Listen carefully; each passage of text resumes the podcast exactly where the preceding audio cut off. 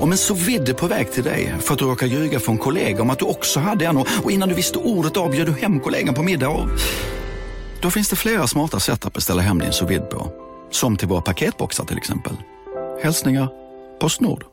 Här sitter jag i en ljudstudio tillsammans med ett sjölejon för att berätta att McDonalds nu ger fina deals i sin app till alla som slänger sin takeaway förpackning på rätt ställe. Även om skräpet kommer från andra snabbmatsrestauranger, exempelvis Eller till exempel Ja, precis. Sekreteraren Ulla-Bella förblir det roligaste vi har. Vem är det? Det var Solstollarna eller vad de kallar sig. Någon Sol, solsid, solsidan? Nej, nej, nej, det här är från 80-talet. Ja, nej, det vet jag inte. Det har jag inte sett. sekreteraren Ulla-Bella. Nej, kommer jag inte ihåg. Ja. Nästa fråga. ja, det kommer.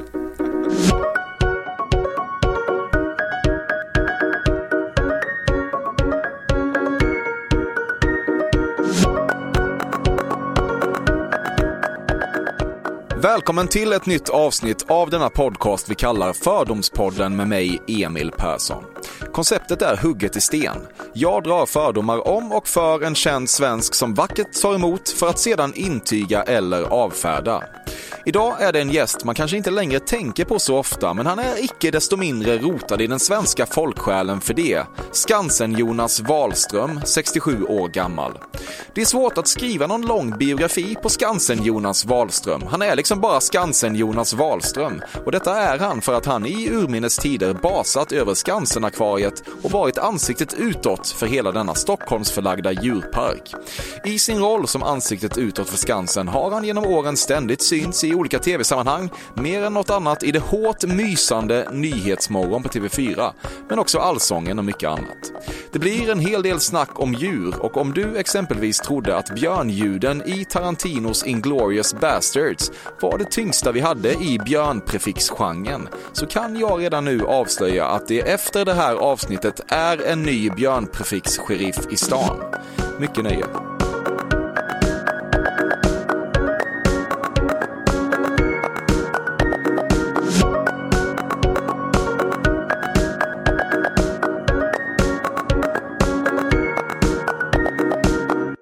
Dina många besök på Nyhetsmorgon har du ibland upplevt att Steffo inte vill låta sin insmorda och fortfarande Maldiverna solkyssta hand möta din, för du ser på hans skeptiskt privilegierade blick att han nog tänker att det nio gånger av tio finns spindelspillning i din handflatas vindlingar. Nej, det har jag inte märkt och jag tror faktiskt inte han skulle vara rädd för spindelspillningen, möjligen spindeln själv. Och det är väl alla som med viss bävan ser när jag kommer in i en studio undrar vad han ska ha med sig och var det sitter. Ja, men tänker han inte att du är lite smutsig ändå? Det, tänker han, det, det vill han Nej, det undrar jag om han gör. Jag tror faktiskt inte det. Jag har inte frågat. Nej. Gillar du Steffo? Han är väldigt bra som programledare, oh ja. Och som människa? Jag känner honom inte väl, men han förefaller sympatisk. Du kan göra det där ploppande ljudet som uppstår när man formar ena pekfingret till en krok, kör in det mot insidan av kinden och drar utåt i en hastig rörelse. Det kan jag säkert göra, det kan väl de flesta, men jag tror aldrig att jag har gjort det. Nej. Du vet vilket ljud jag menar? Ja, ja. sådär. Ja, sådär. Ja, ja, det gick inte så bra. Jag har, inte, jag har inte tränat. Nej, men du skulle ju kunna vara en person som kan sånt. Det känns ja, som du... det kan väl alla som har en mun och ett finger. Ja, det är jag inte säker på. Nej. Du luktar sömn. Tycker du jag ser sömnig ut? du skulle kunna lukta sömn. Jag vet inte hur det luktar faktiskt. Nej. Jag vet, lite lakan och lite, jag vet inte, lite sömn kanske. Ja, doften av nytvättade sängkläder är ju inte oangenäm precis. Men jag tror inte man blir direkt sömnig av att känna det. Är, du, är det viktigt för dig att lukta gott? Ja, det är viktigt att inte lukta illa. Mm. Steffo har en dyrare parfym känns det som. Du, det kan jag inte svara på. Nej. Du har någon gång sagt fasgubben din till en manlig kompis son.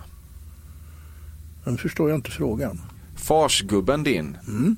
Har du sagt det till en manlig kompis son någon gång när du pratar om din kompis då? Till nej, nej. nej. Det är inget uttryck du använder? Nej. Nej, det har jag aldrig hört ens en gång. Farsgubben din? Ja, alltså farsgubben, men inte sådär i det sammanhanget. Nej. Nej. Men farsgubben då, är det ett uttryck du använder? Nej. Nej. Du känner inte för det? Nej, jag sa pappa så länge pappa levde. ja. ja, det är bra. Du har aldrig reflekterat över att människorna i tandkrämsreklamerna är dubbade? Jag vet inte om de är det, men det har jag inte tänkt på. Men väldigt mycket reklamfilmer köps in utomlands ifrån med ett annat språk på läpparna och då dubbas de ju naturligtvis. Det känner jag igen. När man är utomlands ibland och ser reklam-tv känner jag exakt igen reklamen fast det handlar om en annan produkt än det jag såg hemma. Mm. Men när du ser en tandkrämsreklam i Sverige så sitter du inte och tänker på Hmm, synkar det jag hör nu verkligen med läpprörelserna? Nej, det har jag aldrig en tanke på. Nej, det har du inte. Ja, precis. Du har hjälpt vissa diktatorer med expertkunskap om exotiska djur. Ja, jag, det, du syftar på Nordkorea förstår jag. jag har inte hjälpt en diktator med någon, någonting, men däremot har jag hjälpt djurparker i länder som är diktaturer, ja. I Nordkorea? I Nordkorea bland annat, ja. Vilka mer? Saudiarabien. Ja. Var, då liksom flygs du in? Ja, det är liksom enklast man ska ta sig till Saudiarabien och flyga, ja. Mm. Vad, vad, vad, besitter du för expertkunskap? Hördu, jag brukar säga så här att många tror att jag är zoolog eller veterinär eller ibland Skansen-chef. Sanningen är att jag gick ut nian med dåliga betyg. Det är min utbildning. Men å andra sidan så har jag sprungit på Skansen sedan jag var åtta år. Så man kan säga att jag har 60 års erfarenhet av djurparker och djurparkers utveckling. Och sen har jag i alla fall 42 års erfarenhet att driva något som Skansen-akvariet. Så att jag känner väl till den fauna jag själv har sysslat med i alla år. Men jag är inte någon elefantexpert till exempel. Nej, men hur kommer det sig då att eh, Nordkorea i det här fallet pekar på dig och säger honom ska vi flyga in? Hörde, det var en ren tillfällighet för 1985 eller 84 var det väl så ringde de från Nordkoreanska ambassaden till akvariet och sa att de hade en delegation från Nordkoreas djurpark som, som gäster i Sverige. De hade nämligen varit på Kuba för att studera delfiner. Och eh, frågade om de fick komma upp som besökare och visa även Skansen och Skansen-akvariet och det fick de ju naturligtvis. Och då hade vi några dagar innan fått två små vanliga silkesapor av tullen på Arlanda. Det kom en figur där ute med två små apor i en liten bur och så gick han glatt till tullen och så här har jag köpt i Brasilien. Vad kostar det något att ta in dem i Sverige? Nej, sa tullen, det kostar ingenting men du blir av med dem för du får inte ta in några apor i Sverige. Ja, ja, okej då, okej då, ta dem, sa han och fällde en tår och så var det klart. De var alltså inte beslagtagna utan de var lämnade för han berättade att han hade aporna med sig när han kom. Mm. Och då stod tullen där och kliade sig i huvudet sa det här är ju inget beslag utan hur gör vi med det här då? Ja då får vi ringa Jonas i vanlig Karl. Då, är så, du. då ringer de och så kommer de upp med dem. Ja, jag får ta hand om dem så till, till ni bestämmer vad som ska ske med dem. Det är inte så att vi per automatik får dem till skänk. Och, jag tänkte, och tullen satt ju där och undrade för det var ju som sagt inget beslag. Då hade liksom rutinens väg varit given. Eh, så kom de här koreanerna och de frågade mycket artigt om jag möjligen hade något djur som man kunde ta med sig till Nordkorea. Och då så kom jag på den lysande idén att de här små aporna då, de var alltså helt vanliga silkesapor som åren innan figurerade som husdjur i Sverige innan det då blev förbjudet 1970. Så de fanns inget så att säga Eh, avelsvärde i dem för vår del. För de här odlades till och med på olika laboratorier i Sverige på den tiden som försöksdjur. Så jag ringde tullen och sa nu löser vi det här, jag kan skicka dem som en gåva till Nordkorea. Utmärkt, sa tullen. Då kunde de avskriva det hela och koreanerna åkte iväg till Nordkorea och sen så fick jag via ambassaden höra att eh, de var väldigt tacksamma och den, den store ledaren Kim Il-Sung som levde på den, han hade varit och tittat på dem och konstaterat att de var oerhört sällsynta, mm. vilket de absolut inte var. Sen återkom ambassaden och frågade om jag skulle kunna tänka mig att vara konsult för att på vägen via Stockholm så hade de kommit på att något som Skansenakvariet var, det skulle man ju kunna faktiskt ha i Pyongyangs djurpark också. Och ja, jag nappade på det så att då åkte jag till Nordkorea första gången 85 och tittade på ett antal ritningar de hade gjort och gav dem en del tips. Och de skickade tre, fyra delegationer till oss för att titta på Skansen-akvariet och sen uppförde de en liknande anläggning i Pyongyang. Och sen frågade de om jag fortsättningsvis kunde vara konsult och så att säga idékläckare åt dem. Och det är ju väldigt intressant att komma till ett så totalt slutet land. Så att jag har varit där kanske 26-27 gånger på de här 30 åren. Mm. Vad tycker du om Nordkorea? Ja, Nordkorea som, som land, det är inget land. Det är en extrem religiös sekt. Det är världens största Knutby som dyrkar gudarna. I det här fallet var det Kim Il-Sung, Gud fader själv, hans enfödde son Kim Jong-Il Fadern skapade landet, Kim Jong-Il skötte landet och nu har den tredje kommit till makten, tredje generationen Kim Jong-Un. Så de är alltså två gener eller en generation före Bibeln och det är rätt skickligt. För att alla nordkoreaner dyrkar ledarna, bokstavligt talat. Och det kan de göra för att det är ett så slutet land. I gamla Sovjetunionen som jag besökte många gånger, Polen, vad du vill, där visste man allt som hände på andra sidan järnridån. Man hade dock kontakter, man kunde lyssna på Voice of America, Radio Free Europe och så vidare. Men Nordkorea är totalt slutet. Mm. Om de visste att du satt här och sa det här, skulle du inte få komma tillbaka? Jag skulle definitivt inte få komma tillbaka och det stör mig inte. Men mina vänner i djurparken där nere skulle kunna råka illa ut, ja. Mm. Ja, det är ett högt spel du spelar. Jag tror inte de sitter och lyssnar på just den här podden med största respekt på Nordkoreanska ambassaden. Du använder PC. Det är, det är data va? Mm. Nej. Jag, jag tillhör en grupp som är väldigt unik i världen. Det är, och medlemmarna i den gruppen det är de som är under två år, de som är över 105 år och så jag. Det vill säga som aldrig har petat på en dator. Jag känner okay. mig inte bekväm med datorer, nej. Jag har, min, jag har min smarta telefon och den, den behärskar jag till, till 80 procent. Men nej, jag håller inte på med datorer. Jag har alltid folk omkring mig som gör det. Jag, jag är liksom datagenier var jag än befinner mig. Personalen är datagenier allihopa. Mina barnbarn är datagenier. Mm. Eller är de bara användare av datorer? Ja, nej, jag, jag, jag ber andra fixa det om jag behöver någonting. Ja, då får du ju förlita dig på andra. Ja. Det har du inga problem med? Nej, inte dugg. Inte den omgivning jag har. Nej. Fördomspodden sponsras återigen av Air Up. Och Air Up är en innovativ flaska som smaksätter helt vanligt kranvatten med doft.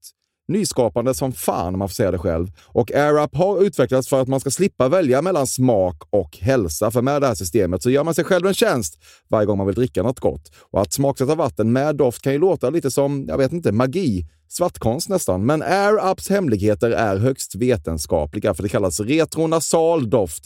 Eller med ett enklare ord att uppleva smak med näsan.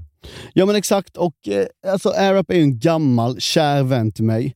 Jag eh, har ju haft min AirUp-flaska här på jobbet i ja, men ett halvår nu och det är ju faktiskt så att det har revolutionerat hur mycket jag dricker vatten. Jag, det är inte bara jag, utan alla med mig här på kontoret har en AirUp-flaska och alla med mig har ja, börjat dricka mycket mer vatten.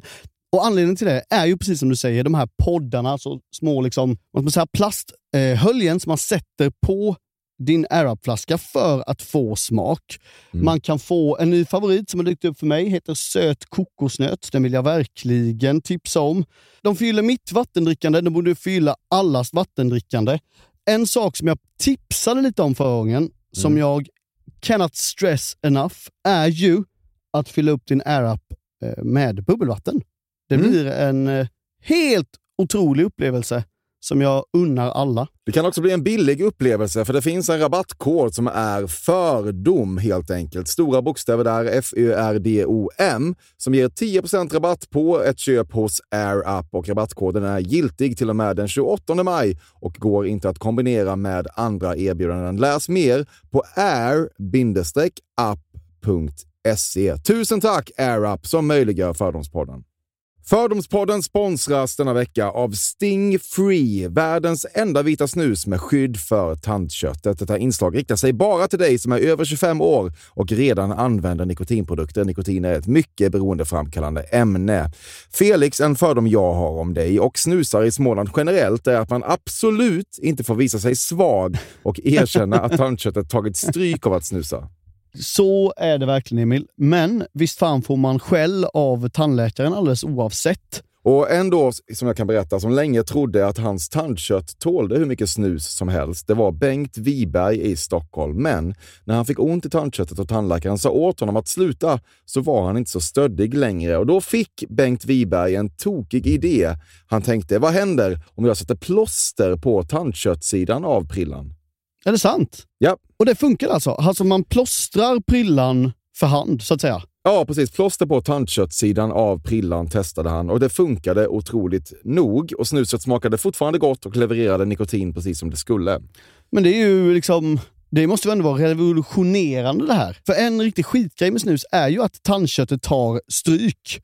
Eh, och Det här låter ju ändå som en, någon slags produkt som är, blir lika självklar som typ ja, men bilbältet eller en cykelhjälm eller vad som helst. Ja, precis.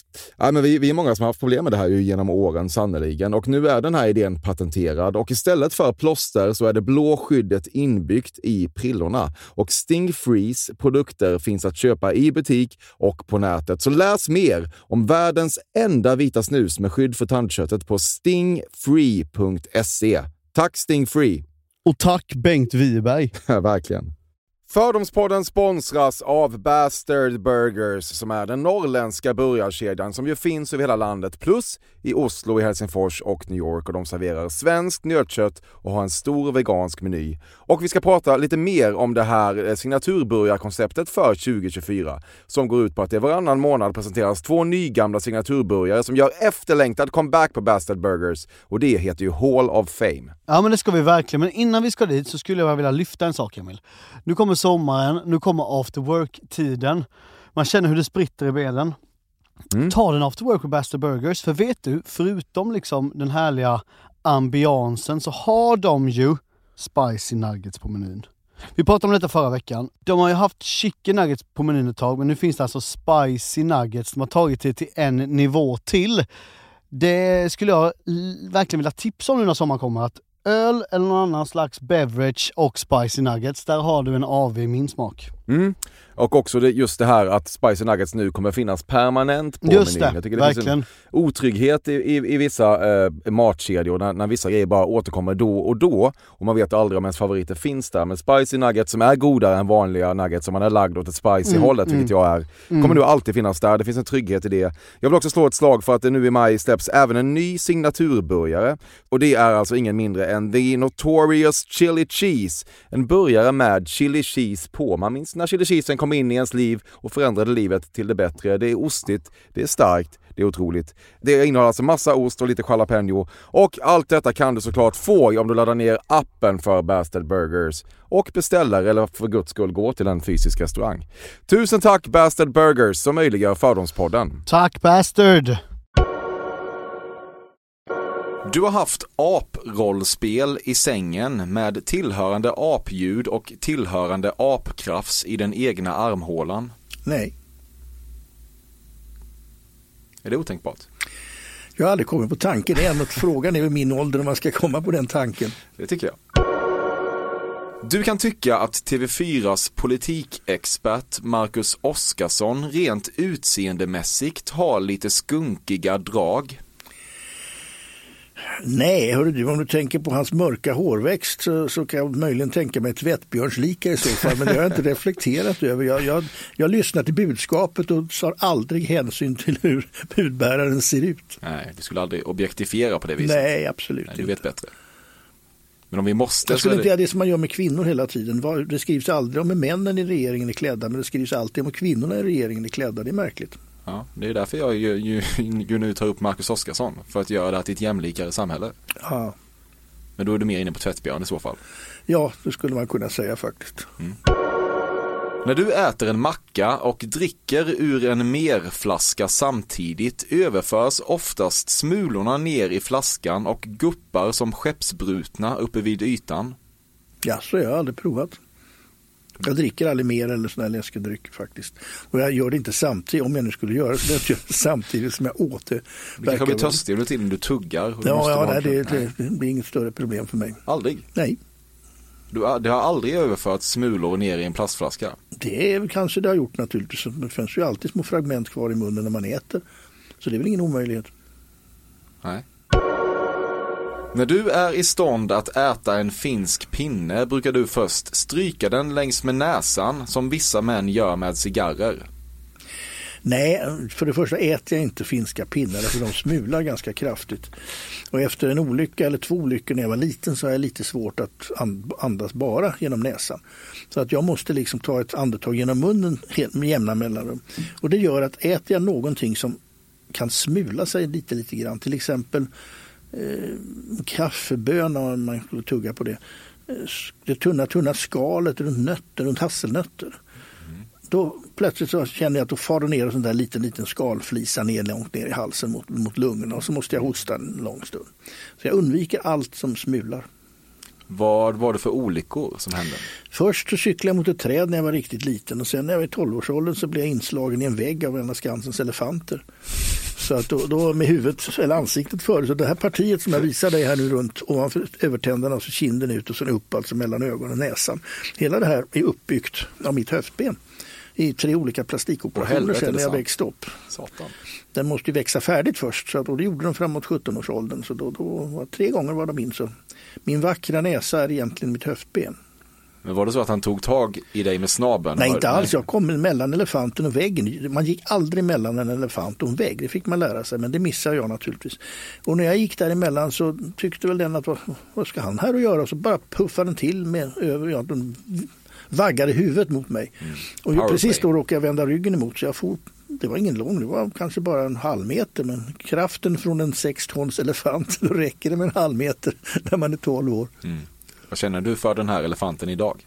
Ja, en bambina, hon är död sedan väldigt länge men det var en fin elefant. Broder Tux, ut ur min kyrka är en av filmhistoriens starkaste repliker. Ingen aning. Mm. Robin Hood? Ja, jo, det känner jag till. Broder Tuck vet jag ju vad det var för figur. Men, men ja, nej, den repliken har jag aldrig hört talas om. Ut ur min kyrka? Nej. nej. Har du någon filmreplik som du känner starkt för? Ja, det, är inte sån stor konsument av långfilmer. Nej, inte på rak arm. Det är många som man kommer ihåg. Play it again Sam, Casablanca till exempel. Ja, eh, ja spontant var det enda jag kom på just nu. Mm. Ja, sen det där liksom My name is Bond, James Bond. det gick ju igenom i alla filmer. Det kommer man ju ihåg faktiskt. Ja, ja den är stark. Ja. En film som jag tycker är jävligt bra det är den här 12 vedsvurna män. Mm. Från början med Henry Fonda då, första inspelningen i svartvitt och sen kom det tillbaka med Jack Lennon och, oh, vad fasen, nu kunde jag bort namnet. Eh, det tycker jag är oerhört stark film. Man har talas om tolv män sitter i ett och samma rum och resonerar med varandra. Vad fasen är det för skit? Tänker man. Det kan inte vara någonting. Men den filmen är verkligen sevärd. Absolut. Och där finns en del rubriker. Eller jag kommer ihåg. Listen to this man. He knows what he's talking about. mm. Mår du lite bra när du hör? Ja. ja. ja det är en sån här film som jag kan titta på faktiskt ganska ofta. hemma på, på DVD. Ja, du kör DVD. Och så jämför den gamla svartvita inspelningen med den nya. Då. Mm. Vad det, kommer du fram till? Förvånansvärt, när man gör man en nyinspelning av film så brukar det alltid vara en del ganska stora skillnader. Men här är, följer man det gamla manuset exakt, så när som på några saker. Eh, som ligger lite mera i tiden då. Put in the needle, för det var ju liksom avrättning med gift. Gillar du va? Sjuke jävel. Du har rört dig problematiskt och besöksförbudsdoftande till Harry Belafontes Banana Boat Song. Nej. Nej. Nej. Jag vet inte ens vad det är för sång. Ska vi, det, innan du vet det så kan du inte riktigt slå fast att du inte har rört dig problematiskt och besöksförbudsdoftande till den. Ja, det skulle jag nog tro att jag inte har gjort. Ska vi ändå lyssna på den lite snabbt? Jag är rätt säker. Ja, ja. Mm. Is a day. Oh. Daylight come and me one go home. Day is a day, is a day, is a day. Tankar? Jag känner faktiskt igen den, det gör jag. Jag skulle inte säga att jag visste vad det var. Men, men jag känner igen den, jag hörde den väldigt ofta på Kuba. På Kuba? Ja. Okej. Okay. Vad gjorde du där? Ja, sista du hjälpte Castro med lite djur? Ja, sista gången så var jag där med tio krokodiler. Ja. Vi har ju nämligen ett par av världens sällsyntaste krokodil på Skansen-akvariet som avlar som vi avlar väldigt framgångsrikt. Ja. Skickar till olika parker runt om i världen. Inte ofta man får säga det här, men vi kommer återkomma till den krokodilen. Ja, okay. Ja. Men, men hur, hur, vet du då att du, eh, du inte har rört dig problematiskt till den här låten på jag Kuba? Brukar, med lite Mai Tais innanför västen? Nej, jag brukar inte, nej, jag, Mai Tai på Kuba faktiskt, Mojito i så fall, eller rom och cola framförallt. Okay. Eh, ja, nej, jag brukar inte röra mig till musik, det är det enda jag kan säga. okay. När du får höra att E-Type inte bara flyttar sniglar från vägen och räddar dem från överkörning utan också alltid placerar dem i den färdriktning snigeln i fråga själv initierat känner du att E-Type, det är din gubbe? Ja, att flytta en snigel, ja det är väl behjärtansvärt. Men då ska man inte sätta tillbaka den igen för det kommer väl en bil till snart. När man har vänt Alltså, ryggen till. alltså han sätter dem vid sidan av vägen tror jag. Ja, vid sidan av vägen. Ja, men det är ju behjärtansvärt. Ja, jo. Mm. Jag vet, jag kommer ihåg första gången jag träffade E-Type, det var då jag begrep att jag hade blivit gammal. Därför E-Type tittade på mig och sa hej, jag hade dig som idol när jag var ung. Ja. Fan, du är ändå E-Type ganska gammal. Ja, Gillar du E-Type? Ja jag, alltså, han är en väldigt trevlig person. Hans musik har jag, ja, det har jag, jag noll inställning till. Som jag sa förut, jag är inte särskilt musikintresserad. Nej, Men, men han är en trevlig person, det är han verkligen. Mm. Väldigt stor djurvän. Precis. Din gubbe. E-Type, ja. Ja. Du har små, små hår över hela kroppen, vilket ger dig en viss ludenhet. Nej, jag är inte särskilt luden. Under huvudet är jag faktiskt inte. Några små hål, små hål har jag inte, nej. Ett julbord utan dopp i grytan är inget julbord utan en förolämpning. Ja, helt riktigt. Fullständigt rätt. Enda första vettiga påståenden du har kommit med under den här tiden. Ja, Inte det första ändå va? Var det? Ja, kanske det. ja men det mest Ja, riktiga. det där älskar du. Det mest riktiga, ja. Helvete vad du doppar i grytan. Jag är inte så jättemycket, nej, men jag tycker det hör till, Sjuk absolut. jävel. Ett samlag utan dopp av pung i mun är inget samlag utan en förolämpning. Ja, det var en märklig fråga faktiskt. Är pung i mun är väl inte rätt? ja, det kan det för vissa är det rätt. Ja, det det har inte hänt mig i alla fall. Du är ingen pungdoppare. Nej, jo i Östersjön.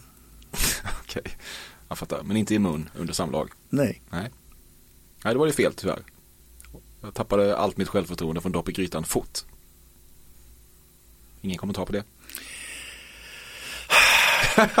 Jo, där var den. Ja, kul. 9-11 kan ha varit ett insiderjobb.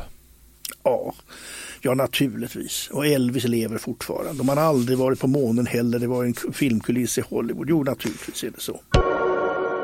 Du är lite färdig med fotbolls-VM 1994 och betraktar det som det mest avrunkade mästerskapet genom alla tider. Ja, vi bortser från sista formuleringen där så kan vi börja med den vettiga i frågan. Eh, jag är inte intresserad av fotboll. Nej. Alltså vuxna män som springer fram och tillbaka runt mot en liten boll och de tjänar dessutom miljarder några av dem. Det är ju Den sjukt. gamla åsikten. Ja. Ja. Men det är klart, alltså Sverige i final eller kvartsfinal eller vad det heter. Vi ska, vi ska känna väldig upphetsning att titta på filmen eller på, på Du matchen. vet att det heter sådär. kvartsfinal. Det är viktigt för dig att ta Ja, ja, avstånd. jag följer ju inte med hela Nej. turneringen. Nej, det gör jag inte i någon sport. Nej. Och just VM 94 är du väl då extra trött på? Att vad, vad, hände då? då? Nej, tog brons. Jaha. Kräftskivekrokodilen som under uppmärksammade former bet av en arm på Skansen förra sommaren tittar du på med samma vördnad och fascination som kapten Ahab tittar på Moby Dick. På krokodilen alltså? Ja. Den jag tittar på. Ja, det kan man säga. Alltså, det där var ju en fruktansvärd olycka. Och jag är full av beundran för Lasse Lidegren som han hette som, som genomgick det här och förlorade sin arm. Eh, den blev inte avbiten, det blev den inte, men han blev så sargad i armbågen så att man kunde helt enkelt inte sätta ihop det igen. Och därför blev han tvungen att amputera armen på sjukhuset. Men hur han har tagit det här, alltså, så är det helt fantastiskt. Han, han, kan, han jobbar ju fortfarande, han är ju arkitekt. Mycket mer känd utomlands tror jag än i Sverige. Han har ju ritat tusentals nattklubbar och restauranger och liknande, alltifrån Moskva över hela världen. Sverige är ju mer känd för den här incidenten. I. Ja, det kan man lugnt säga. Men eh, lite, lite tur i det hela var att han, det var ju hög, vänsterarmen som, som gick, så han kan ju fortfarande jobba med sin högerarm. Och han har ju tagit det så fantastiskt positivt. Mm. Helt otroligt. Han fyllde Ja, 80 här han känns förra nästan veckan. gladare nu. Ja, det kan man. Jag, Gillar jag, han uppmärksamheten? jag kände, ja det ska jag inte säga att han gör. Nej, det tror jag inte. För han tackar nog regelbundet nej till alla. Mm. tidningar som vill intervjua honom om det. Han, ty, han tycker det är färdigt nu. Nej, han tar det fantastiskt. Jag träffade honom senast förra veckan. Han fyllde 80 så jag var förbi med en present fast på behörigt avstånd i dessa coronatider. Ja. Willys, om Jonas Wahlström själv får välja dagligvarubutik. Jag har varit där några få gånger. Om man ska köpa mycket av en vara så är det praktiskt eftersom som det är ganska billigt där. Mm. brukar hjälpa min son som driver, jag skulle nog säga Stockholms förmodligen bästa sushibar på, på Götgatan. Han behöver ibland storleverans av socker. Och då brukar jag hjälpa honom ibland och då, då händer det att jag går på Willys. Eller Samba Sushi. Samba sushi, ja. Ah, okej. Götgatan. Samma hus där jag har bott i 46 år.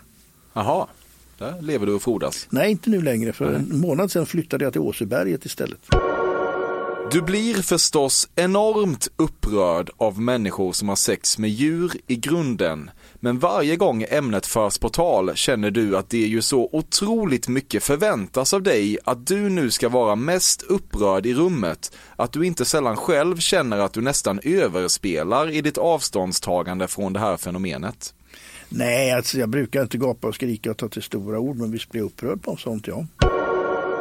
Du har kalsonger i kaki. Nej, jag har badbyxor i kaki. Okej. Är, det, är det bra? Ja, varför inte? Nej, jag, jag, nej, jag har bara inte sett det. Du äger inte ens en febertermometer. Du vet om du har feber eller inte. Nej, faktiskt inte. Det, det känner jag inte själv. Nej. Det, jag, jag har aldrig haft sån där fruktansvärd feber, alltså 39 och så vidare. Så, men nej, men febertermometer har vi naturligtvis hemma. Du har, du har precis haft corona sa du här när du presenterade dig. När du. Jag sa det i alla fall den som tittade på mig att du har ju precis haft corona. Det är ett par veckor sedan. Så det var ju skönt att, att det är över. Ja. För det var inte någon större fara med mig. Lite, lite lätt hosta, liten an, aning tryck över bröstet och Mm. ja, det var inte något märkvärdigt. Nej. För mig, tack och lov. Man har överlevt elefanter som sular in en i väggar så krävs det mer än lite corona för att man ska Ja, det på jo, dig. jag, jag hade ett projekt i Kongo som då hette Zaire i fem års tid. Och det var mitt under ebolatiden, upploppen och inbördeskrig och allting. Det var mycket intressant. Du är inte rädd för döden. Nej, Du har tungkysst en babian. nej, du har sett filmen från djurmarknaden i Wuhan och efteråt slog du ihop PCn, stirrade tomt framför dig och lät tårarna rulla ner för dina kinder. För det första gången när jag såg den här djurmarknaden då blev jag ju väldigt upprörd. Nu har jag blivit lite luttrad. Jag har sett sådana här vidriga marknader i Kina ett flertal gånger. Jag har filmat i smyg både i Kina och Vietnam som Nyhetsmorgon har sänt men det är alltså 15 år sedan. Indonesien också och det är ju hemskt. Mycket, mycket har de kommit till bukt med men, men eh, när det gäller illegal försäljning av fridlysta djur som husdjur det var ju mycket vanligare i Indonesien eh, för tio år sedan än vad det har blivit idag. Det förekommer fortfarande, gör det. Men just de här matmarknaderna, djuren till nästan 100 % ska bli mat eller, eller mediciner. Alltså som kineserna behandlar djur generellt, det är fruktansvärt. Och djurplågeri finns inte i den kinesiska strafflagen. Är det så? Ja. Ja. Du kan misshandla ett djur på öppen gata mycket du vill. Ingen straffar dig för du har inte begått ett brott. Om det Sjukt sker i. Kina. Ja, Aktiverar du dig för att få någon slags stopp på det här? Ja, alltså där, där, jag uppmanar ju alltid, nu, kineser kan vi inte påverka, de, de, de kör sitt race, punkt slut. De gör fullständigt fasen i vad Det är vi inte tycker dina gubbar, De, kineserna. de, de, de går ut och liksom säger att ja, nu förbjuder vi djurmarknaderna. Det gjorde de i samband med corona när den började blomma upp här.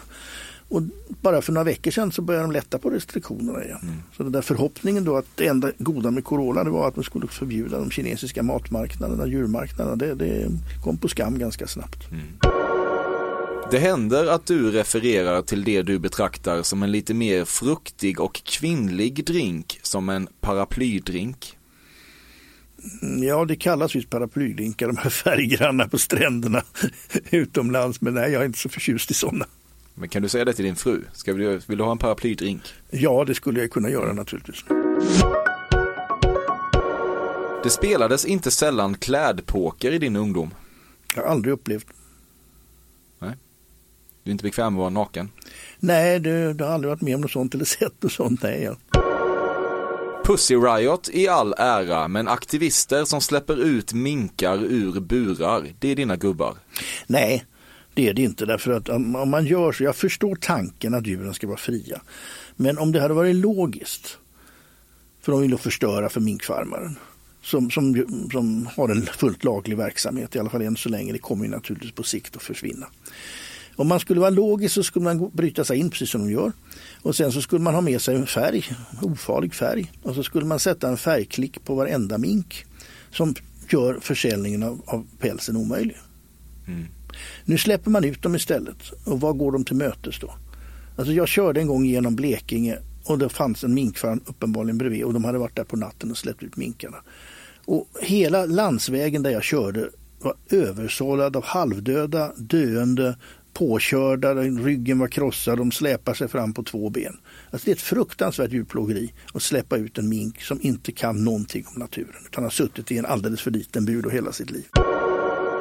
Du har relativt lätt att köpa Hasse Aros påstående om att han blivit jagad av ett gäng blodiglar som ålade så snabbt att om han inte sprungit så hade de hunnit ikapp honom. För du har hört talas om någon extraordinär jävla Belgian Blue blodigel någonstans. Och det skulle ju kunna vara just denna art Aro kom i kontakt med när han la benen på ryggen.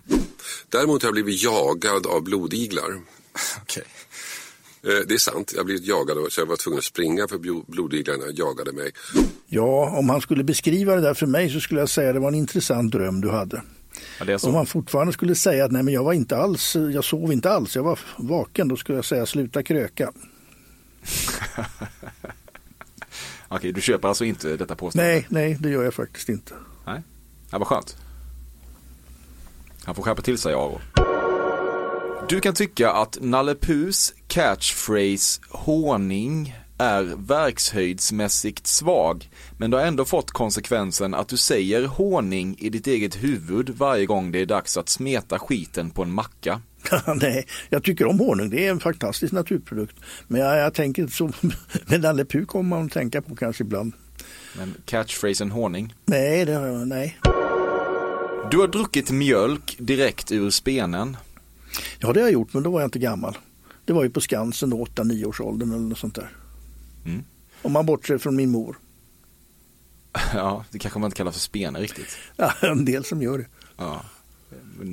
En av dem är väl inte du? Nej. Du använder exakt samma lekar för att roa dina barnbarn som du använder för att roa dina barn. Ja, några i alla fall, exakt ja. Du har aldrig ens sett kokain. Jo. Oh ja, Oh ja, jag har sett mycket kokain. ja helvete vad du har sett kokain. Ja, det kan man lugnt säga. Jag har Ja. sett det i Colombia. dina gubbar. Är i Colombia.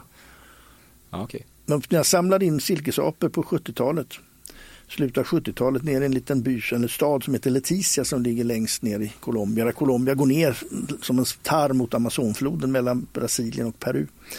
Eh, det var en centralpunkt för kokain. Och när jag var där 70, jag har varit där kanske 15 gånger under åren. Min son Tito är adopterad från den stan. Tito? Ja, Tito. Starkt. Han är adopterad där, enda lilla barn på den tiden som lämnade stan för adoption till Europa. Eh, på den tiden, nu har jag inte varit där på flera år, men, men på den tiden så fanns det tre olika knarkfamiljer i stan som styrde allt. Det fanns ingen brottslighet i stan. Ingen normal gatubrottslighet som det är väldiga problem med i övriga städer i Colombia. Därför att de som bråkade, de försvann. Eh, man behöver aldrig låsa en dörr i hotellrummet eller någonting. Och de här familjerna de hade varsin stor lyxhacienda ute i djungeln. De hade egna flygplatser. Eh, Det, det kördes alltså kokain mer eller mindre öppet i säckar genom stan som skulle från den ena flygplatsen till de andra. För de här familjerna de bråkade inte med varandra, de samarbetade till skillnad från andra karteller. Klev du på? Stans polischef körde Mercedes. Det går alltså inte att köra från stan, det är bara Amazonfloden ett par hundra mil för att komma eller flyga in. Och vä- vägarna, några är asfalt, eller var, nu pratar jag om hur det var då. De var ju, Det vissa var en, en, en asfalterade. korruption i nivå med när Samba Sushi får catera Skansens event. Ja, det är inte direkt korruption faktiskt.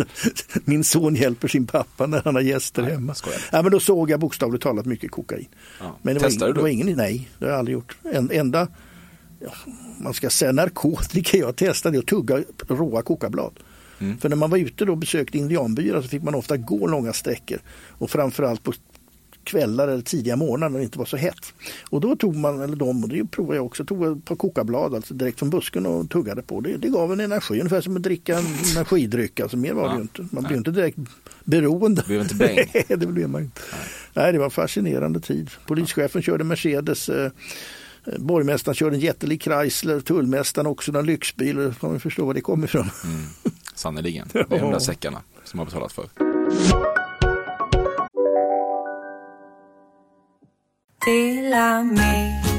Hej! Är du en av dem som tycker om att dela saker med andra? Då kommer dina öron att gilla det här. Hos Telenor kan man dela mobilabonnemang. Ju fler ni är, desto billigare blir det.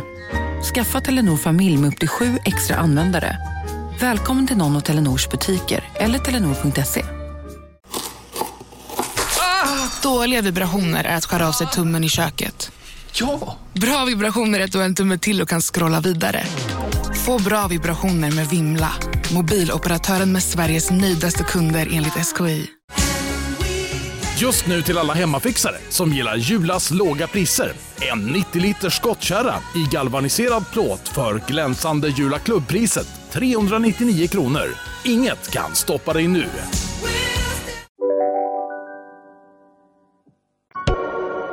Du kände till begreppet flockimmunitet innan det blev coolt. Ja, Du hävdar att du kan känna på en kvinnas doft var hon befinner sig i sin menscykel. nej, När du äter kycklingklubbor kilar du fast köttet mellan kindtänderna och rycker bort klubban snarare än att du gnager av köttet.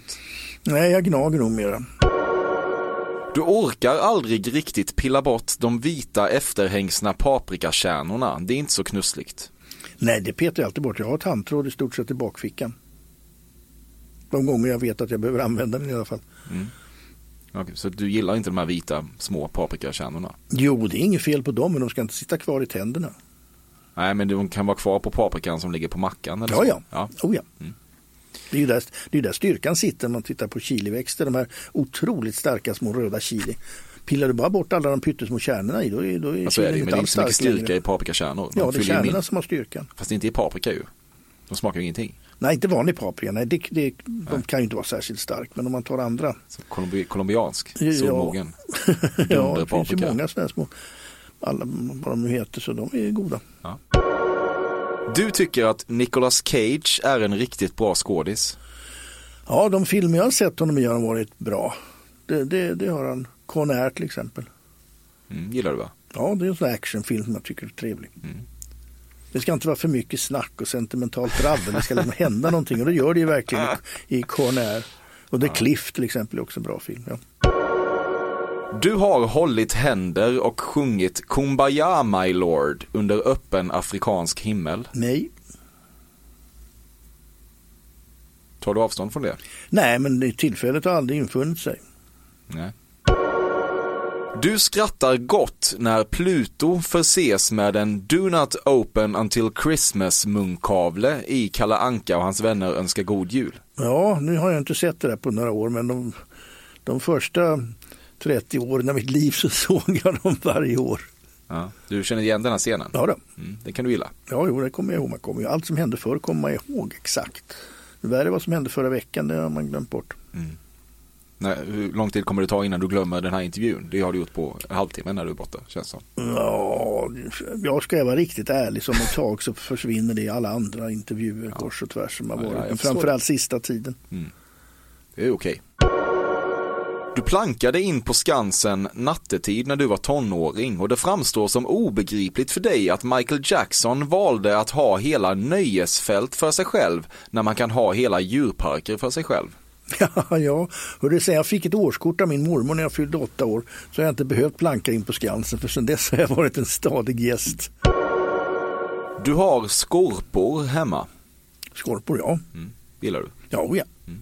Veteskorpor framförallt med smör på. Du har aldrig sagt en dirty talk line i ditt liv. Det du kan erbjuda är ett mer sammanbitet, grymtigt och så att säga Rolf Lassgård-osande knull.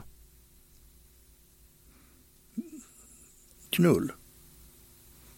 Ja, knull.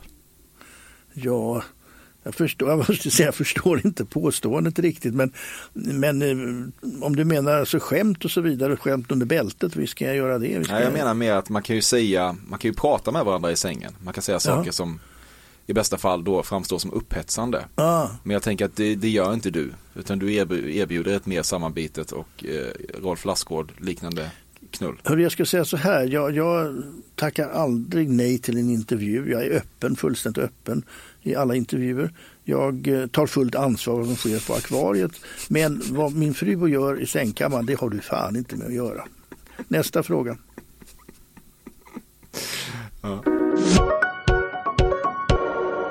Du träffade din fru på en dansbana, Nej,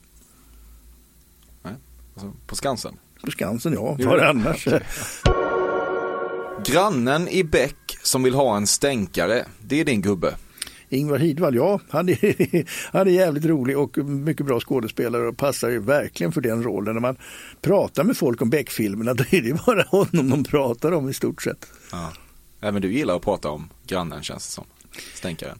Om min granne? Nej, nej, den här grannen. Ja, ja, ja för sjutton. Han är, det är en frisk fläkt. Det är min granne också, Stor-Olle Högberg. Han har varit Stockholms största fiskare i alla år. Han har haft hårbåt nere i Strömmen och väger 130 kilo. Du har oroat dig för Michael Jacksons apa Bubbles psykiska hälsa. Ja, det kan man göra med alla apor som föds upp bara för att bli någon slags maskot. Framförallt människoaporna, för de blir ju helt förstörda. En sån schimpans har ju väldigt svårt att anpassa sig till andra schimpanser den dagen som ägaren inser att det här går inte längre. För den dagen kommer när det gäller stora människoapor. Förr eller senare så blir det en katastrof. Ungefär som i Kolmården med vargarna. Om du går ut och äter och en balsamicobåge som linjerar med tallrikskanten infinner sig ovanför proteinet så tycker du att det tyder på att du har kommit till ett fine dining ställe? Ja, jag, jag förstår inte riktigt vad du menar där i början. Så det, det är nog ingenting jag skulle lägga märke till. Nästa fråga. Det finns mycket att säga om kåtheten du under stundom upplever av två djurs parningsprocess, men du avstår. jag har aldrig blivit upphetsad av att se djur para sig. Men det finns sådana människor. Ja. När jag växte upp på Skansen då var det ett annat klientel ofta. Det var väldigt många stamgäster som var väldigt kufiska ibland. De har försvunnit. Och då hade vi, jag kommer ihåg, vi hade björnrunkan, vi hade getrunkan, vi hade hjortrunkan. Och det var alltså när djuren hade parningstider. Det här är sant, det är, ja. jag skojar inte. Nej. Så hade vi hade speciellt björnrunkan, han kom där uppe och så när björnarna parade sig så sprang han där framåt. Och de, de hänger ju varandra länge. Så sprang han där fram och tillbaka och så försvann han ut i buskarna. Och så kom han tillbaka kanske efter fem minuter lite rödblommig om kinderna. Och, han, han, och det fanns en som hade hjortarna som sin specialitet och en annan som hade... Hjortrunkan? Ja, det var hjortrunkan. Mm. Men björnrunkan hade Skansen faktiskt nytta av därför man fick en ny björnhanne ett år. Och, den var, och det hände ingen, blev inga ungar. Ja, men han är ju ung så det är inte hela världen. Året efter blev det heller inga ungar. Ja, men kanske lite senkommen och sånt där. Och tredje året, då kom björnrunkan och klagade. Det är ingen fart på den där björnen. Då begrep Skansen att björnen var impotent. Så bytte man. Han var lite konsult. ja, han, ble, han blev det. Ja. ja, kul. Du har aldrig separerat ett ballerinakex överdel från dess underdel? Nej. Du äter dem med som de Jag är? vet inte ens vad det är, men jag har aldrig separerat kex. Som du vet inte vad ballerinakex är? Nej. Nej. Helvete. Ja, så är det så illa? Ja, lite tycker ja, jag ändå att det är. Ja, ja, jag får skämmas. Snälla du, klipp bort det här. Han skäms så förskräckligt för svenska folket. Snälla. Ja. Ja. Du försöker alltid motstå frestelsen att lägga händerna på givarens huvud under oralsex och nio gånger av tio lyckas du. Ja, nu får du svar som du fick alldeles nyss. Det har du inte jävla dugg med att göra. Fortsätt. Ja, Jonas Wahlström. Är vi klara? Nu är vi klara. Ja, det var lite märkliga frågor måste jag säga. Ja. Man slutar aldrig förvåna sig. Ja, men jag hoppas att den här intervjun uppskattas av folk. Ja, jag tror det Uppenbarligen gör det, annars skulle du inte ställa sådana frågor. Nej. Det var väl lite kul ändå? Ja, ja lycka till. Det känns som att du kom igång här mot slutet. ja, ja. ja. Getrunkan och det där menar du? Ja, ja men mycket. Du kom in i det kan man säga. Ja, ja. Ja, ja men tyvärr måste jag hämta min bil ut garage nu. Ja, jag, jag vet det. Men innan, köra innan, en timme till. Ja. Innan du sätter dig i din bil, ja. som inte är en Mercedes. Nej, jag tycker inte om Mercedes. Nej. Det är en sån där direktörsstatus tycker jag. Precis så vill jag ändå att du säger någonting här om hur pass eh, korrekt jag är. Jag försöker, ju, jag, jag försöker ju läsa av dig här, som du märker. Men hur, hur rätt ute är jag? Hur mycket stämmer det jag säger? Eh, många av de påståenden stämde ju absolut inte, men det hörde ju det jag sa nej till. Men ja, vad ska jag säga, många frågor är ju tagna i luften och inte tagna ja. utefter vad du tror. Tagna ur min intuition Jonas. ja. Ja. ja, ja, nej men det var väl en intressant intervju det här. Ja, ja. ja. Eh, det tycker jag också. Ja, ja, tack så mycket. Ja, nu får du springa och ta din bil. Det ska jag göra. Mm, tack. tack för att du kom hit. Tack, tack.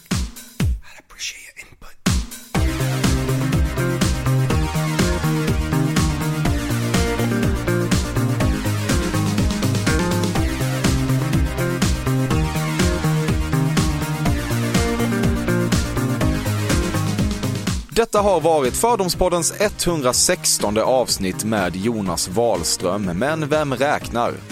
Avsnittet har precis som vanligt klippts av den ljuvlige Bobby Nordfeldt och vignettmusiken har skapats av den helt okej okay, ljuvlige Carl Björkegren. Min e-postadress är emil.perssonatcafe.se. Nästa avsnitt släpps om exakt en vecka.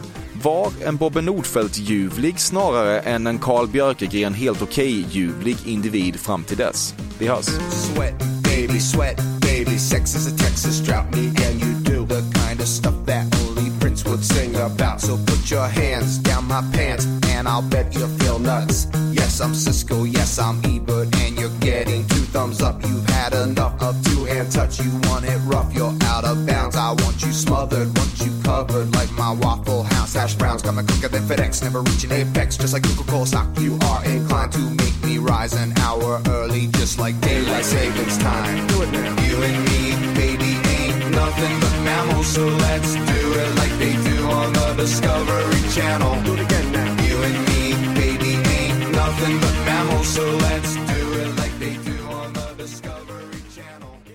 Pung i mun. Det är väl inte rätt?